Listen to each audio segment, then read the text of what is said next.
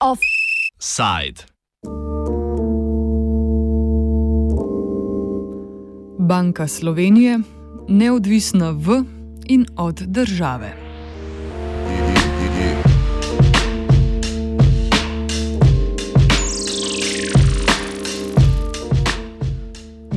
Guverner Banke Slovenije Boštjan Vasle je danes predstavil nov poskus naše centralne banke, da bi naslovila pravne probleme, ki jih je za seboj pustila prisilna dokapitalizacija slovenskih bank oziroma saniranje famozne bančne luknje.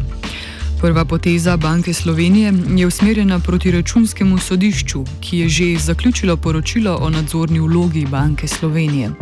To je že napisano in je bilo poslano v pregled sami banki, ki pa sedaj nasprotuje njegovi javni objavi. O sporu bo moralo odločati ustavno sodišče. Drugi korak Banke Slovenije bo predstavljala ustanovitev posebne skupine pravnih strokovnjakov, ki naj bi pripravila nove rešitve za učinkovito varstvo razlaščenih vlagateljev bank.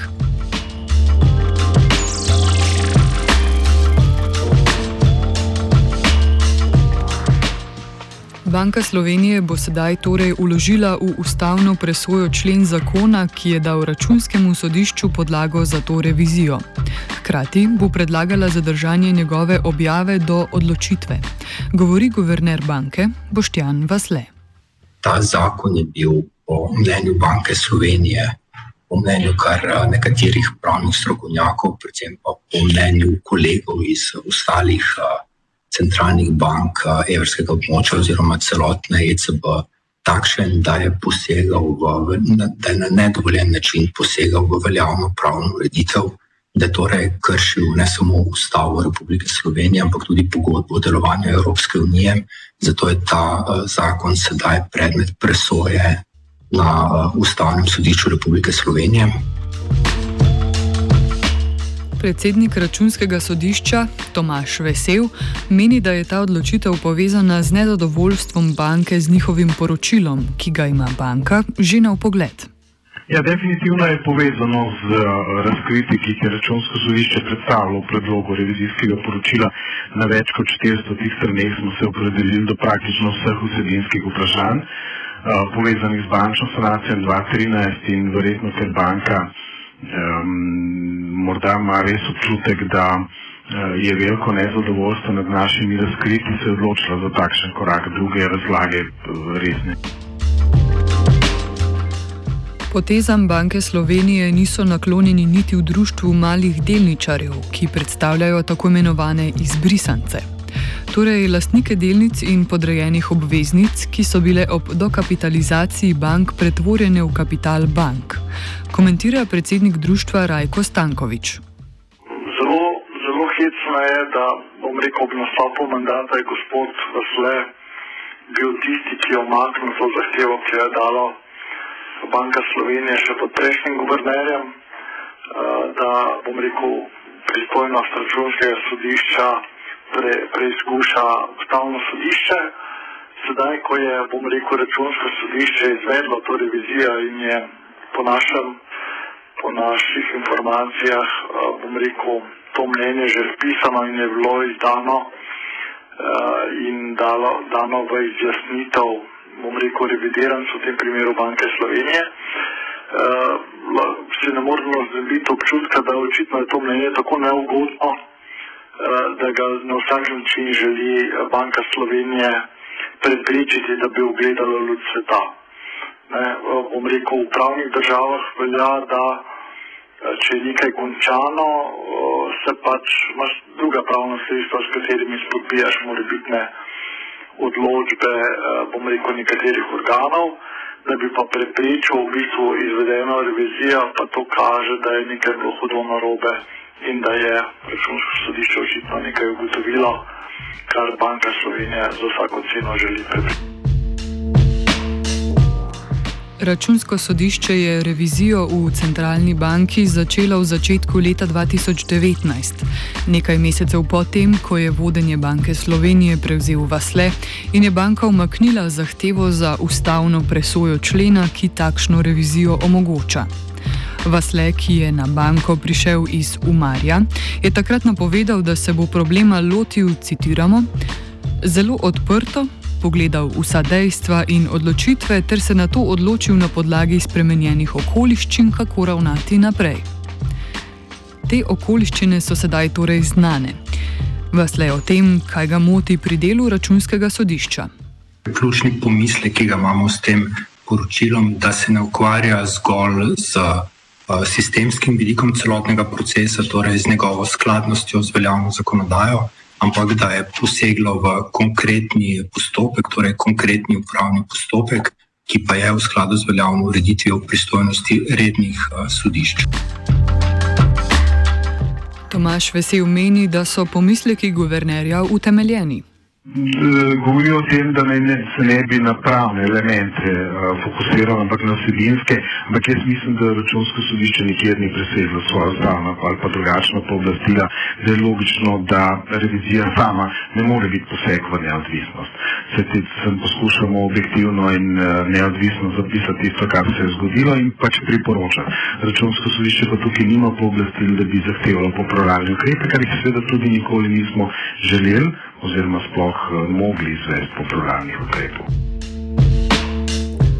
Saniranje bančne luknje je senca nad Banko Slovenije že zadnjih sedem let. Rajko Stankovič o takratnem dogajanju. Ko, ko so se na, znašle banke v domnevnih težavah, eh, bom rekel, je regulator ocenil, da kapitalska ustreznost ni pravilna in naložil dokapitalizacijo bankam. Ne? Ker bom rekel, lastniki bank, uh, čeprav je bila država večinska lastnica v večini bank, niso izvedli do kapitalizacije, so to naredili z oblastnim aktom, zo, tako da so v bistvu za en dan suspendirali nadzorne svete, odredili dokapitalizacijo na osnovi nekih testov, ki niso bili narejeni skladno z mednarodnimi računovskimi standardi, ampak so bile pod nekimi hipotetičnimi predpostavkami.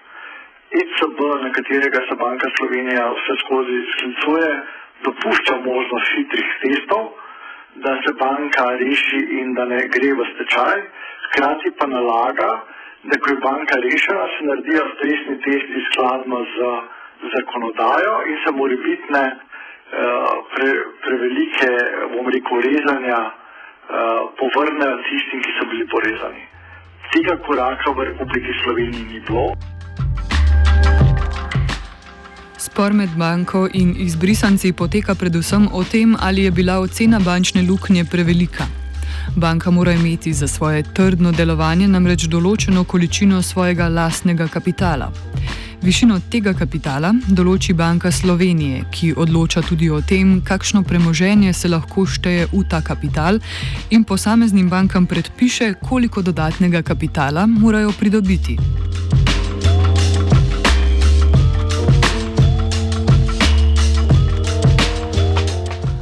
Vprašanje zaščite delničarjev in imetnikov podrejenih obveznic naj bi naslovil zakon, ki ga je državni zbor sprejel pred slabim letom.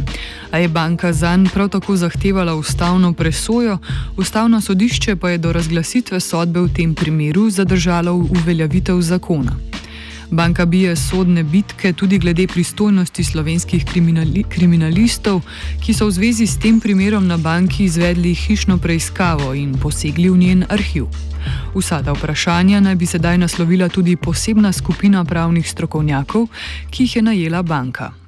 Smo se v Banki Slovenije odločili, da ustavno sodišče zaprosimo za presojo skladnosti člena ki dovoljuje računskemu sodišču pregled takratnih nadzorniških praks Banke Slovenije z vidika skladnosti z ustavnim, ustavno ureditvijo Republike Slovenije.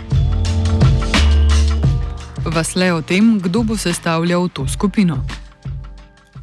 Smo razmišljali o članih skupine, smo hoteli zagotoviti uh, pravne strokovnjake, ki uh, so specialisti za področje slovenske pravne ureditve, slovenske ustavne ureditve, poslovnega, gospodarskega prava, ter tudi mednarodne strokovnjake, ki so se v preteklosti ukvarjali s podobnimi zadevami. Tako da k sodelovanju smo povabili in tudi dobili prve pozitivne namige glede pripravljenosti za sodelovanje gospoda Testena, nekdanjega predsednika Vrhovnega in ustavnega sodišča gospoda uh, Juharta, predavatelja na Ljubljanski pravni fakulteti, gospoda Preka, bivšega sodnika uh, sodišč, splošnega sodišča EU in gospoda Pruma, ki je ugledni predavatelj, ki se je v preteklosti predvsej ukvarjal s položajem Evropske centralne banke, samostojnosti Evropske centralne banke, njene interpretacije in pri tem sodeloval z različnimi sodišči. Stankovič meni, da sama skupina, ki jo bo sestavila in plačala kar Banka Slovenije, ni pravi organ za razrešitev spora. Dva od teh štirih strokovnjakov uh, poznam in cenim njihova mnenja. Uh, bom rekel, strokovnega vidika, sigurno ni nič narobe. Problem je samo v tej neodvisnosti, uh, ker tisti, ki naroči in plača neko pravno mnenje, tudi da usmeritev Eh, kaj želi, da nekdo preizkuša. Ne. Bom rekel, in tukaj bom rekel, če, če so že želeli v bistvu na nek način uh, najti neko medijacijo, uh, bi bilo verjetno bolj smiselno, da bi uh, oškodovance uh, poprašali, da je vi dva pravna strokovnjaka, katerim zaupata potem Banka Slovenije, da pravna strokovnjaka in se tam, bom rekel, na nivoju bom rekel, take skupine skrešajo mnenja. Ne. Menim, da gre to samo, bom rekel, za nov manever zavlečevanja. V ozadju vseh teh pravnih sporov je status Banke Slovenije, ki je podrejena Evropski centralni banki. Njeno vodstvo sicer imenuje Slovenski državni zbor, a to vodstvo je odgovorno predvsem pred vodstvom ECB v Frankfurtu. Evropska centralna banka zelo ljubosumno brani svojo neodvisnost. Pri tem je podedovala tudi nemško tradicijo, kjer barka, banka ni zgor avtonomna institucija znotraj državnega aparata, ampak je dejansko neodvisna od države same. Zdi se, da temu zgledu želi slediti tudi Banka Slovenije.